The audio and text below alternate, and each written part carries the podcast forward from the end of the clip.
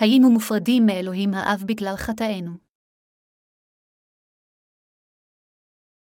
אל האפסאים 2.214-22 כי הוא שלומנו אשר עשה השניים אחד והרס מחיצת הגדרה בבטלו האיבה בבשרו את תורת המצות והחוקבות יברו בנפשו את השניים לאדם אחד חדש, ויעש שלום, וירצה את שניהם בגוף אחד לאלוהים על ידי צליבתו בהמיתו בנפשו את האיבה, ויבוא ויבשר לכם שלום שלום לרחוק ולקערובה, כי על ידו יש לשננו מבוא ברוח אחד. אלא אבינו לכן אינכם. עוד גרים ותושבים כי אבני עירם של ההקדשים, ובני בית אלוהים אתם בנויים על יסוד השליחים והנביאים, וישוע המשיח הוא אבן הפינהה אשר חובר בו יחד הבניין כולו, עד אשר ייגבה להיכל קודש ליהואה, ובו נבנים גאמתם להיות משכן אלוהים ברוח. ישוע הוא מושיענו ומלך השלום. כאשר כל בני האדם הפכו לאויבי אלוהים בשל חטאיהם, ישוע בן האלוהים הגיע לארץ זו בהתגלמות בשר ודם של בן אדם, ונשא את כל חטאי העולם אחת ולתמיד בכך שהוטבל על ידי יוחנן המטביל בנהר הירדן. זו הסיבה שישוע יכול היה לשפוך את דמו היקר על הצלב, לקום לתחייה מן המתים תוך בשלושה ימים, ואז לשבת לימינו של אלוהים האב כשופט. ישוע המשיח הקריב את עצמו ככפרת שלום נצחית שלנו, כדי לפייס בינינו לבין אלוהים האב. כדי לשבור את חומת החטא הזו המפרידה בינינו לבין אלוהים, וגם כדי לבטל את האיבה בין אלוהים לבינינו בני האדם, ישוע הקריב את עצמו ככפרה שלנו. ישוע הגיע לעולם זה כדי למחוק את כל החטאים שאנו מבצעים מכישלוננו לקיים את מצוות האלוהים. לאחר מכן נשא האדון את כל חטאינו בכך שהוטבל עם גופו, הקריב את חייו בכך שנצלב על הצלב כדי להיענש על כל החטאים הללו, ובכך החזיר את נשמותינו לחיים ממחיר חייו שלו. לפיכך, הודות ישוע, אנו המאמינים בבשורת המים והרוח יכולים להתפייס לנצח עם אלוהים ולהפוך לילדיו באמונה, ואלוהים הכל יכול להפוך לאבינו. זו הסיבה שפאולוס שליח אמר שמי שמאמין בישוע המשיח יתפייס עם אלוהים.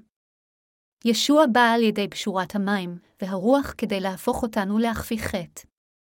הוא מחק את כל חטאינו בכך שהשיג את הבשורה האמיתית הזו. לפיכך, כל המאמינים בישוע כמושיעם במסגרת הבשורה האמיתית הזו קיבלו את מחילת החטאים והופכים לילדיו של אלוהים. עם זאת, ישנם עדיין אנשים רבים בעולם הזה שלא הפכו לילדי אלוהים, וזה מכיוון שאנשים אלה אינם מאמינים בישוע שבא על ידי פשורת המים והרוח כמושיעם. בכל אופן, הבשורה האמיתית דבר האל ורוח הקודש הנמצאים בליבם של כל מי שקיבלו את החטאים על ידי האמונה, הם יותר מאשר מסוגלים להפוך כל מאמין לילדו של אלוהים.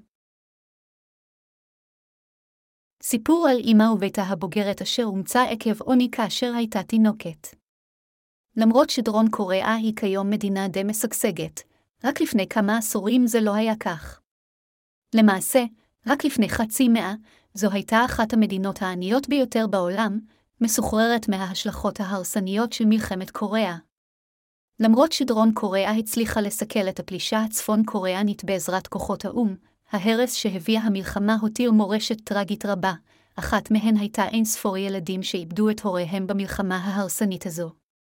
רבים מהילדים היתומים הללו אומצו אז על ידי הורים מאמצים במדינות מפותחות, במיוחד ממדינות מערביות עשירות. באותם ימים, לנשים קוריאניות רבות גם לא היו אמצעים לגדל את ילדיהן. כאשר כל המדינה הייתה הרוסה על ידי המלחמה, לא היה כמעט מה לאכול. מכיוון שנשים רבות לא יכלו אפילו להאכיל את ילדיהן, לא הייתה להן ברירה אלא למסור אותן לאימוץ, מתוך מחשבה שזה יהיה טוב יותר מלראות את הילדים גואים ברעב. כששמעו שזרים עשירים מוכנים לאמץ את ילדיהם ולגדל אותם בסביבה טובה בהרבה, הם ויתרו על ילדיהם כמפלט האחרון כדי להבטיח את הישרדות ילדיהם. כתוצאה מכך, דרום קוריאה זכתה בתואר המבזה של הקיצוענית הגדולה ביותר של ילדים מאומצים. כמובן, עברו שנים רבות מאז שהמלחמה הסתיימה. רוב הילדים שאומצו במהלך השנים גדלו בשמחה תחת הוריהם המאמצים בבית אוהב ומשגשג. כשהתבגרו, הם הבינו שהם מאומצים, ולכן הם התחילו לתהות מדוע הוריהם הביולוגיים נטשו אותם, ושאלו שאלות קשות כגון, למה ההורים שלי ויתרו עליי? זה היה בגלל שהם שנאו אותי. למה הם שלחו אותי למדינה כל כך רחוקה? הם לא הצליחו להבין לגמרי מדוע הוריהם נטשו אותם. לכן, ככל שהם גדלו, שנאתם וגעגועים להוריהם גדלו גם הם בלי במזה לצד זו בעת ובעונה אחת. הם ניסו להבין את הוריהם הביולוגיים, שאלו את עצמם וענו לעצמם, איך ההורים שלי יכלו לנטוש אותי? איך הם יכלו לשלוח אותי למדינה הרחוקה הזאת? הם שנאו אותי. לא, בטח הייתה להם סיבה אחרת, הם בילו את שנות גיל ההתבגרות שלהם קרועים ממחשבות כאלה, הבינו את הוריהם הביולוגיים רגע אחד, שנאו אותם למחרת ונשבעו לא לחשוב שוב על הוריהם הביולוגיים. כשגדלו עם הזמן, הם התחתנו, הביאו לעולם ילדים משלהם והחלו לגדל משפחה משלהם בארצם המאמצת. עם זאת, הכמיהה והשנאה שלהם להוריהם הביולוגיים לא נעלמו. לאחרונה, תחנת טלוויזיה בקוריאה נסעה לגרמניה כדי לחקור את מצבם של ילדים קוריאנים שאומצו בחו"ל. הסיפור שאני עומד לספר לכם עכשיו הוא על אישה אחת כזו שנולדה בקוריאה ואומצה במשפחה גרמנית. האישה בסיפור שלנו גדלה וגידלה את משפחתה בארצה המאמצת, אבל ככל שחלף הזמן, כך היא רצתה לראות את הוריה הביולוגיים גם אם רק פעם אחת. היא השתוקקה להוריה הביולוגיים עד כדי כך שהיא רצתה לדעת בדיוק איך הם נראים, אבל באותו הזמן, היא גם נאבקה בשנאתה כלפיהם, ותהתה איך ההורים שלי היו יכולים לנטוש אותי. אם אילו נסיבות הם התמודדו ושלחו אותי כל הדרך לגרמניה, מכיוון שקוריאה הייתה המקום שהוריה היו והיא עצמה נולדה שם, היא נמשכה באופן טבעי לכל חדשות שהגיעו מקוריאה, והיא שמעה על כך ממקורות שונים. למעלה מ-40 שנה חלפו מאז הגיעה לראשונה לגרמניה, ועד אז קוריאה כבר גדלה והפכה למדינה משגשגת למדי. כתוצאה מכך, שנעתה להוריה הביולוגיים גברה עוד יותר, שכן היא חשבה בטעות שהוריה נטשו אותה למרות שהם לא היו כל כך עניים. כתב טלוויזיה מקוריאה ביקר את האישה שאומצה בגרמניה לפני זמן רב. אז היא כבר הייתה באמצע שנות ה-40 לחייה, וגם היא התחתנה ונולדה לה בת. היא גם למדה תיאולוגיה. תחנת הטלוויזיה התקשרה אליה מוקדם יותר וביקשה ממנה ראיון, ונדרשו הרבה הפצרות מצד הכתבת שהיא תסכים להתראיין. הכתבת החלה לדבר איתה באמצעות מתורגמן. הוא הודה לה תחילה על שהסכימה להתראיין, אך האישה עדיין היסה. היא אמרה לו שהיא מפחדת לחשוף את חייה הפרטיים, אבל הכתב אמר לה שהוא יעריך את זה אם היא תוכל לשתף פעולה כדי למנוע מאירועים טרגיים כמו שלה אי פעם לקרות שוב. לאחר שהיסה זמן מה, היא הסכימה לבסוף להתראיין, ואמרה שהיא עושה זאת בניגוד לאינטרסים שלה רק כדי למנוע מילדים נוספים להיות מופרדים מהוריהם הביולוגיים ולהיות מאומצים על ידי מדינות זרות. הכתב שאל שאלות רבות, כולל הדברים הבאים, אם היית פוגשת את הוריך הביולוגיים עכשיו, מה הדבר הראשון שהיית רוצה לומר להם? האישה אמרה אז ללא היסוס, הייתי רוצה לשאול למה שלחו אותי לכאן. אם אי פעם אפגוש את הוריי הביולוגיים, אשאל אותם למה הם נאלצו למסור אותי לאימוץ. אני פשוט לא יכולה להבין אותם. אני רוצה אפילו לשאול אותם למה הם שנאו אותי עד כדי כך ששלחו אותי משם. הריאיון שלה נכלל בתוכנית התיעודית על אימוץ שתחנת הטלוויזיה יצרה וזמן קצר לאחר שידור התוכנית כאן בקוריאה, אישה מסוימת שטענה שהיא אמה הביולוגית יצרה קשר עם תחנת הטלוויזיה. לאחר שראתה את בתה בסרט התיעודי הזה, היא יצרה קשר עם תחנת הטלוויזיה כדי לשאול אם היא יכולה לראות אותה. תחנת הטלוויזיה יצרה קשר עם האישה בגרמניה כדי להודיע לה שאימה הביולוגית מחפשת אותה ושאלה אותה אם תהיה מוכנה לפגוש אותה. האישה אמרה לתחנה שגם היא רוצה לראות את אימה הביולוגית. האם הביולוגית הגיעה לשדה התעופה כדי לחכות להגעת בתה. היא כל כך רצתה לראות את בתה שהיא לא נתנה לעינה למוש משער הטרמינל. אבל הבת לא הופיעה גם לאחר שזמן הגעתה חלף מזמן. כולם התאכזבו, ובדיוק כשכולם עמדו לוותר, הם שמעו מהבת שהיא תפסה את טיסת ההמשך הלא נכונה ותגיע עוד שבע שעות. הכתב הציע לאם ללכת בינתיים למסעדה או למקום אחר כדי לנוח ולחזור מאוחר יותר. האם אמרה לו, חיכיתי לבת שלי עשרות שנים, וכך אוכל לחכות עוד שבע שעות. אני אחכה כאן בשדה התעופה, אחרי שחיכתה ככה בגעגועים רבים, הבת סוף סוף הגיעה. היא יצאה משער ההגעה של שדה התעופה כשהיא מחזיקה על הידיים את בתה בת השש. האם הביולוגית ראתה את פניה של בתה בטלוויזיה. אולי מסיבה זו, היא מצאה את בתה לפני צוות הטלוויזיה ועיניה החלו להתמלא בדמעות. זו הייתה הפעם הראשונה שהאם והבת נפגשו מאז יום האימוץ שלה. למרות שהם לא יכלו להבין את המילים אחת של השנייה, ברגע שהם ראו אחת את השנייה, הם התחבקו ונשברו בבכי. האם בכתה הרבה והמשיכה לומר שהיא מצטערת שוב ושוב שדבריה הדהדו ברחבי שדה התעופה. האם לקחה את הבת לביתה והם השלימו את הפער של כל השנים החסרות. כמובן, הם לא יכלו להבין אחת את השנייה כיוון שהם דיברו שפות שונות, אבל לפחות ליבם היה מחובר בקשר בלתי שביר רק כמו שאימא ובת יכולות. האם נתנה שם לביתה כאשר היא נולדה, והבת כנראה ידעה את השם הזה וענתה בכל פעם שאימה קראה בשם זה. לכן, למרות שדיברו בשפות שונות, הם עדיין הצליחו לחלוק שיחות שקטות רבות, ללטף זו את פניה של זו ולדבר באמצעות עיניהם. כשהגיע היום שהיה על הבת לחזור לגרמניה, הכתבת שארגנה את פגישתה שאלה אותה, אמרת לי שאם אי פעם תבואי לקוריאה ותפגשי את הוריך הביולוגיים, הדבר הראשון שתרצי לשאול אותם הוא למה הם מסרו אותך לאימוץ למדינה זרה. האם שאלת את השאלה הזו את אמא שלך? תשובתה הייתה שהיא לא ראתה צורך לשאול את השאלה הזאת יותר, ואמרה כשיצאה, אמא שלי עדיין ענייה. למרות שהעשירים בקוריאה הם כה עשירים והם נוסעים במכוניות מיובאות מפוארות, ראיתי שאמא שלי עדיין חיה בעוני. למרות שלא שאלתי את אמא שלי והיא לא ענתה לי, כבר ידעתי שהיא מסרה אותי לאימוץ לחוץ לארץ כי היא הייתה כה ענייה והיא רצתה להציל אותי מהעוני הזה.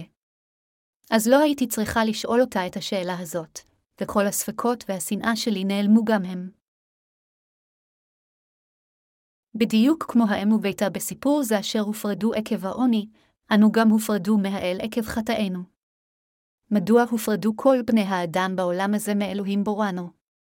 האישה בסיפור שלנו הופרדה מאימה בעקבות המלחמה, הוריה הביולוגיים היו בעוני כה גדול, שאפילו לא היה להם מוכל להאכיל אותה. הם נאלצו למסור אותה לאימוץ לחוץ לארץ כמפלט האחרון להציל את בתם. כמו הבת כאן, גם אנו הופרדנו מאלוהים למרות העובדה שאלוהים עצמו ברא אותנו בדמותו שלו. מה מסביר את זה? מדוע לא נותרה לנו כבני אדם ברירה אלא לחיות בנפרד מאלוהים?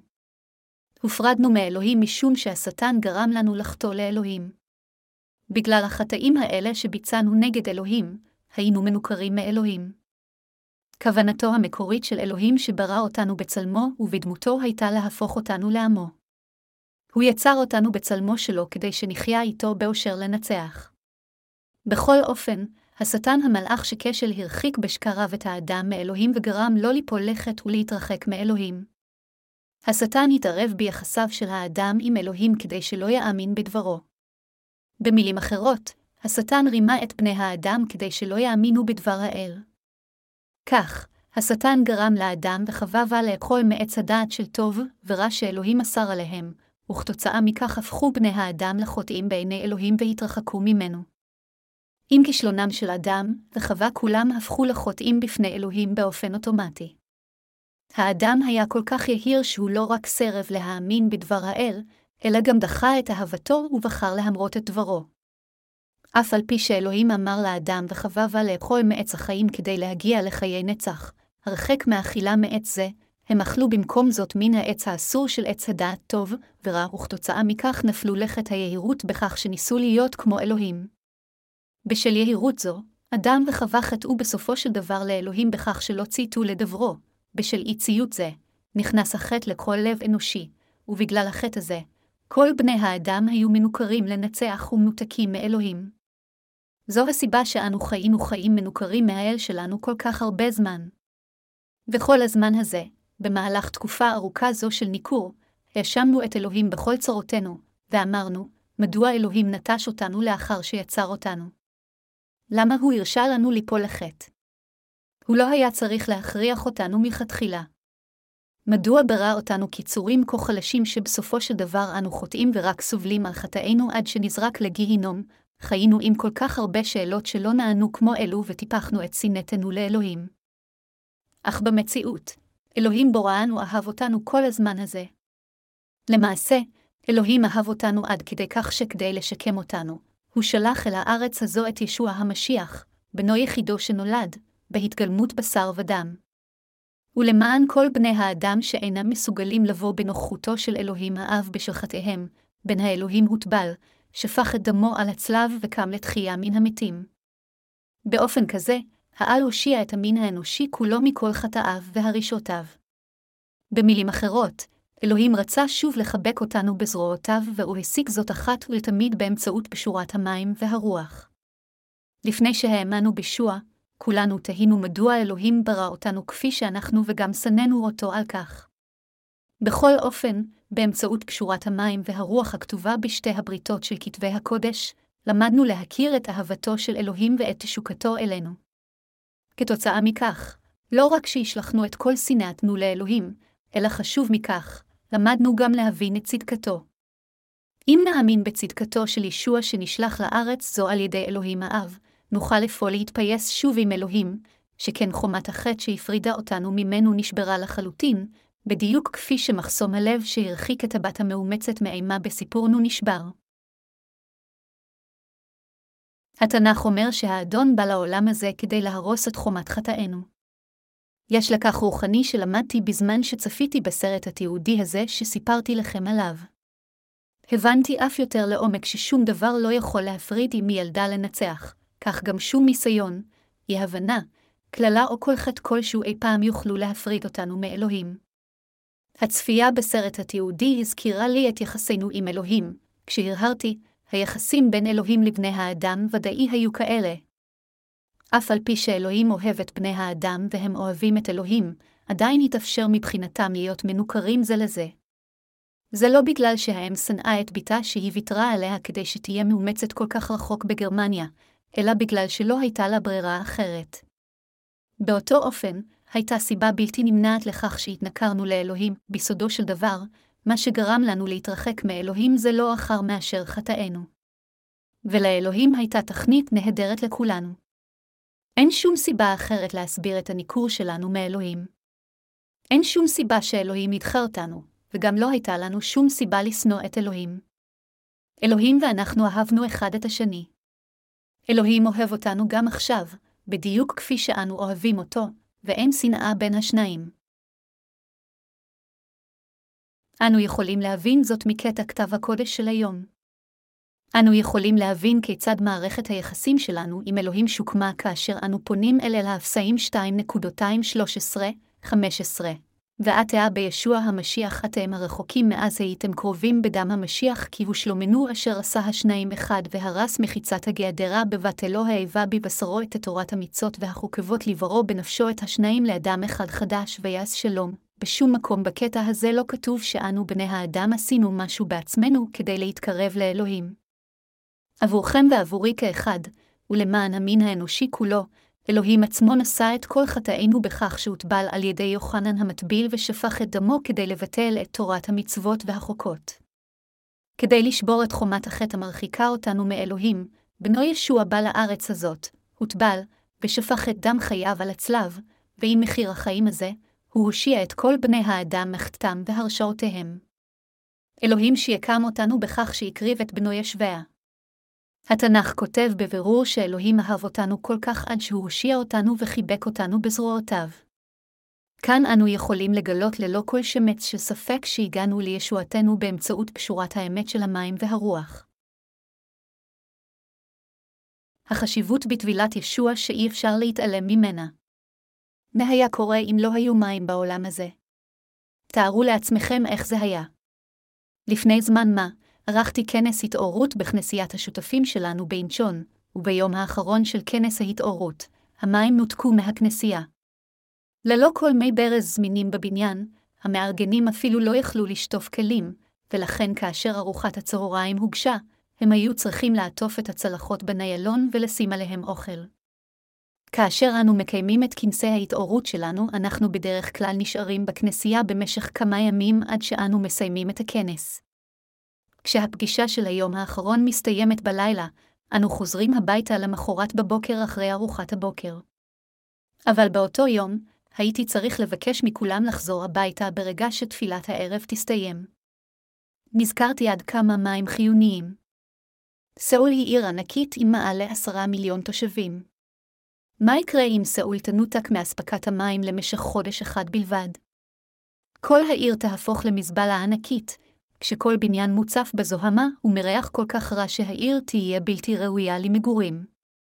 החשיבות של מים היא כל כך ברורה גם כאשר אנו רק חושבים על השימוש בהם. זה אפילו יותר חשוב כאשר אנו רואים את המשמעות הרוחנית שלהם, כי התנ"ך אומר, והוא דמות הטבילה אשר כעת תבושיע גם אתכם, הראשונה לפטרוס 3.21. אם אדוננו לא היה נטבל בעולם הזה, מה היה קורה לכל מי שמאמין באלוהים? היינו נשארים מטונפים בצורה בלתי נסבלת.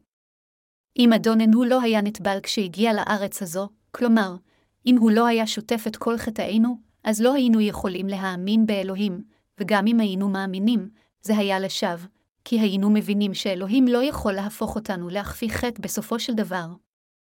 אם ישוע לא היה מקבל את כל חטאינו על ידי שקיבל את טבילתו במים בעולם הזה, הוא לא היה יכול לשטוף את חטאי ליבנו. לפיכך, מטבילתו של ישוע הם מהחיים ששטפו את כל חטאינו. כתוב בראשונה לפטרוס 3.21, והוא דמות הטבילה אשר כעת תבושיע גם אתכם לא להסיר חלאת הבשר, כי אם לשאלה לנו מאת אלוהים רוח שלמה על ידי הקמת ישוע המשיח, כפי שפסוק זה מבהיר היטב, הטבילה שקיבל ישוע בעולם הזה היא האמת ששטפה את כל חטאי לבנו.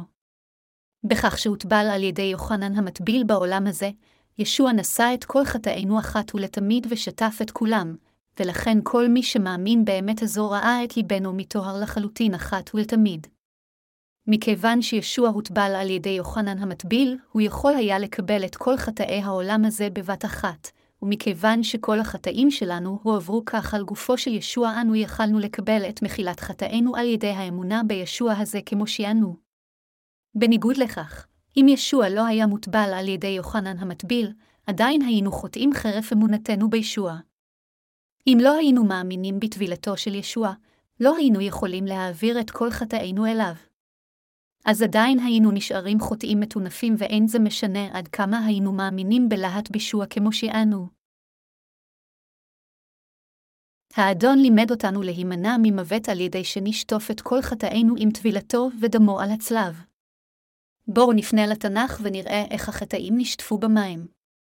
זה כתוב בספר שמות 30.217-21, וידבר יהבה אל משה לאמור ועשית כאור נחושת וחנו נחושת לרחצה, ונתתיה אותו, בינו אל מועד ובין המזבח, ונתתיה שמה מים ורחצו אהרון ובניו ממנו, את ידיהם ואת רגליהם בבואם אל האוהל מועד ירחצו מים ולא ימותו, ובגישתם אל המזבח לשרת, להקטר אישה להבהב ורחצו ידיהם ורגליהם ולא ימותו, והייתה להם חכו עולם לו ולזרעו לדורו. תם, כפי שתואר בקטע של מעלה, בתוך חצר המשכן היה כיור נחושת. הכיור הזה תוכנן והוצב כדי להכיל מים. וכיור הנחושת היה ממוקם ממש באמצע חצר המשכן. מה היה קורה לכהני המשכן אם כיור הנחושת הזה היה חסר, או שלא היו מים בכיור, גם אם כל השאר היה במקום, מחיית הקורבן ועד הנחת ידיים ומזבח העולה. הבה נשקול את השאלה הזאת בזהירות כאן. בעידן הברית הישנה, כל חוטא היה צריך להקריב קורבן לאלוהים על בסיס יומי.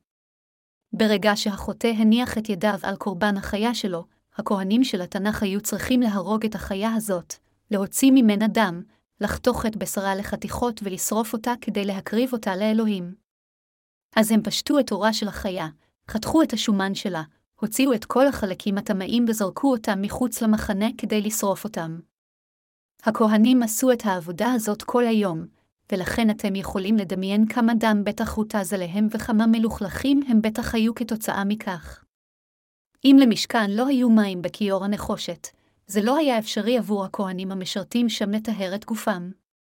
בעוד האנשים הרגילים טיהרו את עצמם מחוץ לחצר המשכן, הכהנים היו צריכים לשטוף את עצמם בתוכו, ולכן, אם לא היה כיור של נחושת בחצר המשכן, או אם לא היו מים בכיור, אז המסקנה היחידה שניתן להגיע אליה היא שהכהנים היו נשארים טמאים. זו הסיבה שאלוהים הכין את כיור הנחושת עבור הכהנים, כדי שיוכלו לבוא בנוכחותו עם גוף נקי.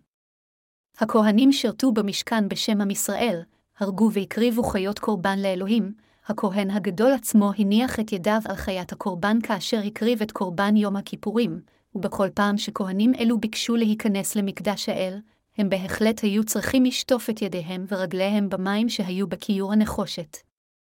הם היו צריכים לשטוף את ידיהם ורגליהם מכל טומאה כזאת, ולבוא בנוכחותו של אלוהים עם גוף נקי לחלוטין, כי זו הייתה הדרך היחידה שהם יכלו להימנע ממוות. אלוהים אינו יכול לקבל כל חוטא תמה כילדו שלו.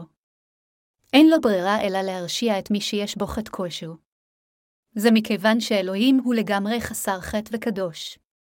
לפיכך, אפילו הכהנים לא יכלו פשוט לפתוח את מסך דלת המשכן ולהיכנס פנימה כאשר דמם המלוכלך והמטונף של בעלי החיים שהוקרבו עדיין על גופם. זו הסיבה שאלוהים ציווה שבכל פעם שהכהנים ביקשו לבוא לנוחותו של אלוהים לאחר שהקריבו קורבנות למען עם ישראל, עליהם לשטוף תחילה את כל הטינופת שלהם בצורה נקייה לחלוטין במים שהיו בכיור הנחושת. מה יקרה לעולם הזה אם אלוהים כבר לא יוריד גשם? תחשבו על זה לרגע. ללא כל גשם, כל העולם בוודאי יהפוך למזבלה אחת ענקית. אם אלוהים לא היה מוריד גשם מהשמיים, העולם הזה היה נרקב לחלוטין. הטבע עצמו יאבד את כל חייו, והיופי של כדור הארץ הזה ייעלם. זו הסיבה שאלוהים מפעיל את שלטונו הריבוני אפילו על מזג האוויר, ומאפשר לסופות לעלות ולהפיל גשם כדי לטהר את האוויר, לשטוף כל מיני זוהמה ולכלוך על פני כדור הארץ, ולהמשיך לספק לנו מים נקיים לשתות מהם ולקיים את חיינו. בדיוק כפי שאף אחד אינו יכול לחיות ללא מים, כך גם כל חוטא אינו יכול לשטוף את כל חטאיו ללא טבילת ישוע. אנו מאמינים באהבת האל המתבטאת בבשורת המים והרוח. כמו כן, אנו מאמינים בצדקת בנו ישבעה המשיח. מה עשה ישוע למעננו כשהגיע לעולם הזה? אלוהים האב שלח את בנו לארץ כשהוא מגולם בגוף אדם בשר ודם, אך מה בדיוק עשה ישוע עלי אדמות? עבודת הישועה הראשונה שישוע עשה על פני האדמה הזו זו הטבלתו בידי יוחנן המטביל, מתי 3.213-17.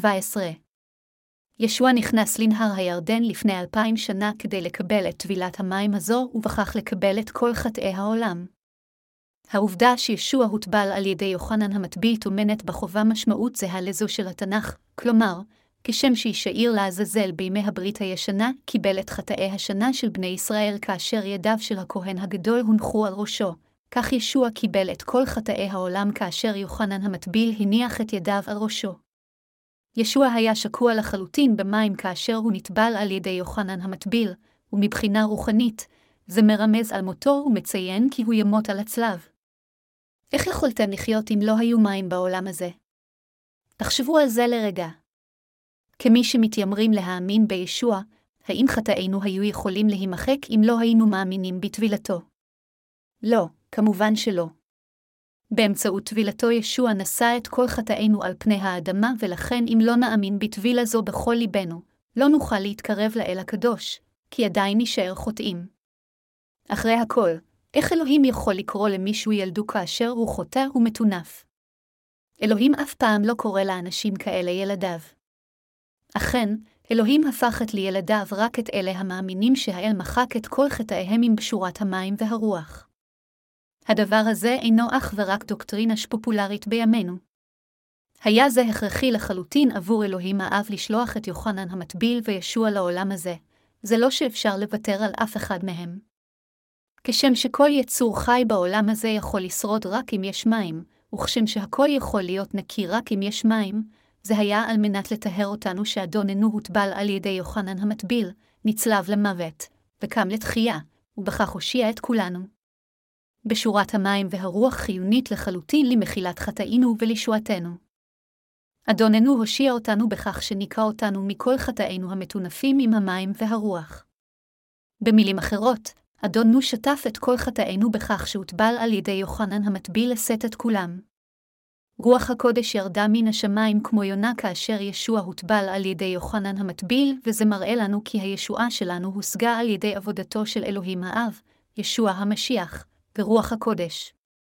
הטבילה שקיבל ישוע מיוחנן המטביל מהווה מרכיב חיוני של הבשורה היפה המכריזה כי אדוננו נשא את כל חטאי המין האנושי כולו כדי להושיע את כולם מכל החטאים.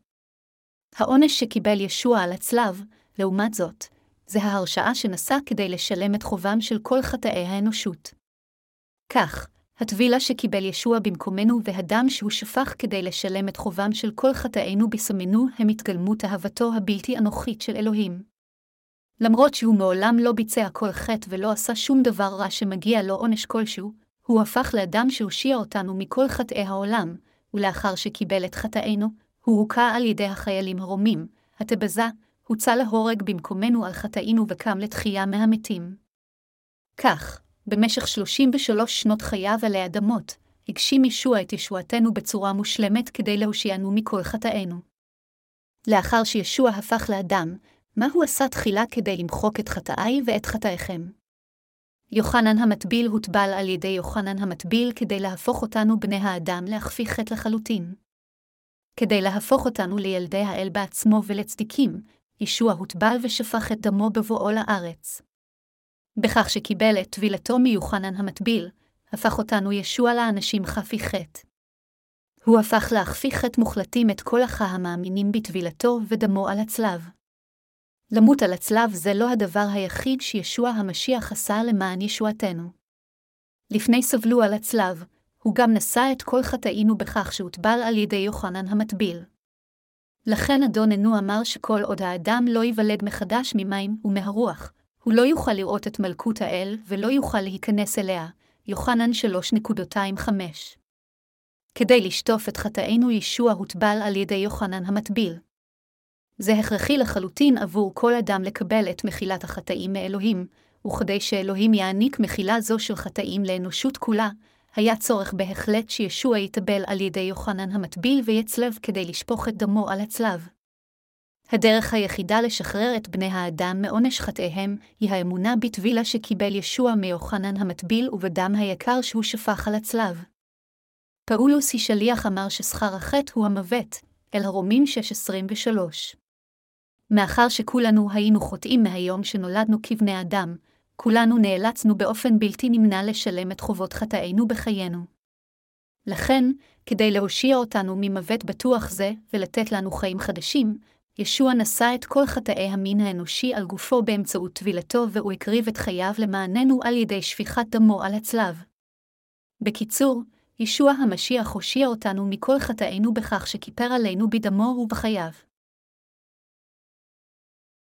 ישוע עשה את הדברים הללו למעננו מכיוון שהוא מושיענו.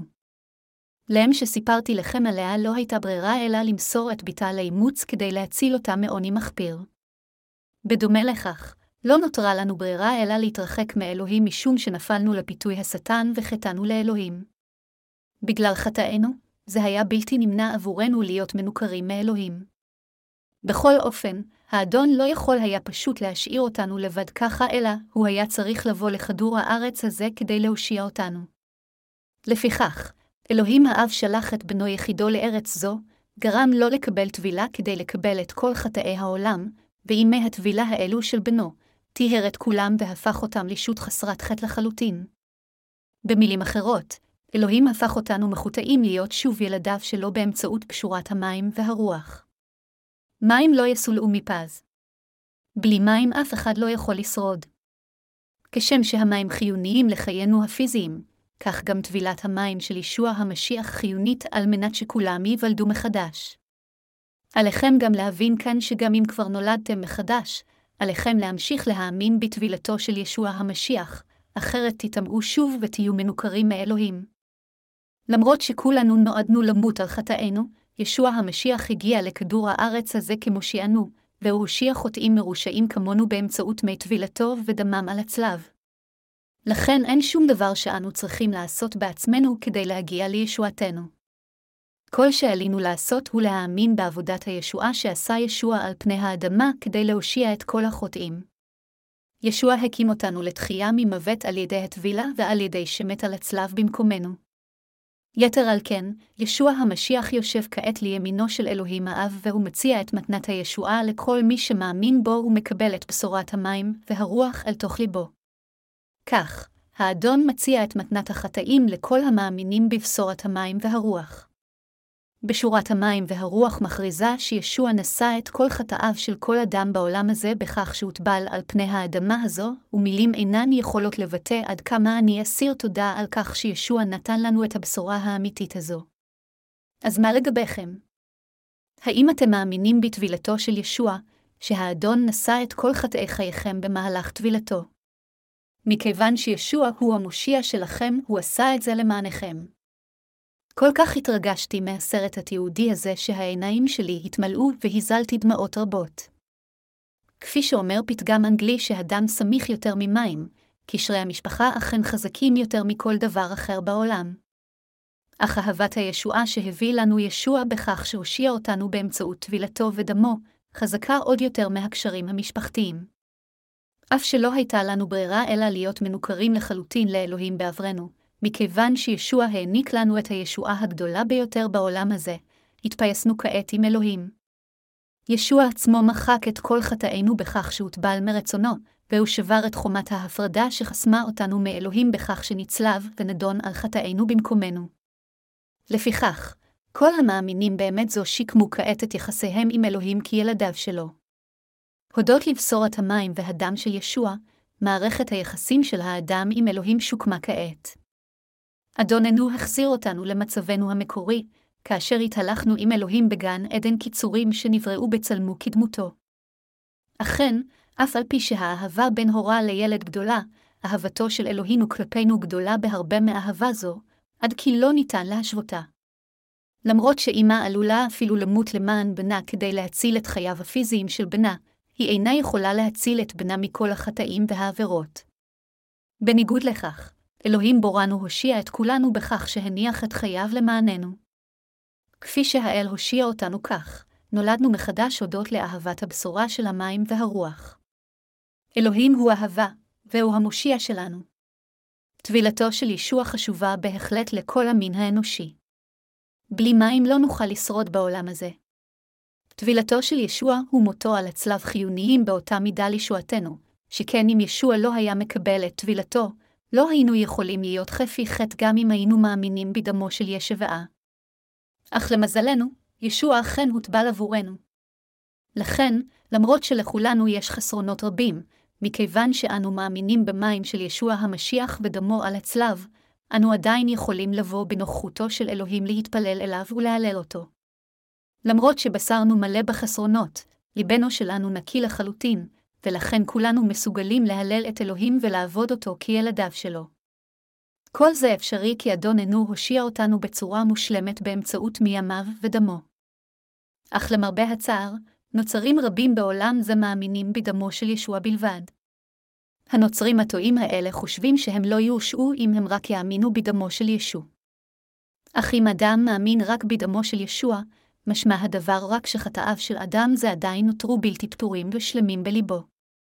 כשם שהעולם ללא מים היה הופך את הכל למלוכלך, חטאינו עדיין היו נשארים שלמים בליבנו אם ישוע לא היה נטבל. לפיכך, ליבנו נעשה ללא חטא מוחלט רק אם אנו מאמינים הן בטבילתו של ישביה והן בדמו על הצלב. אם לא נאמין בשניהם, לבנו עדיין ימשיך לחטוא אפילו שנאמין בישוע בלהט. אז מה לגביכם? האם אתם גם מאמינים שישוע הוטבע למענכם? האם אתם מאמינים בפשורת המים והרוח, המודיעה שישוע הוטבל כדי להפוך אתכם ואותי להכפי חטא?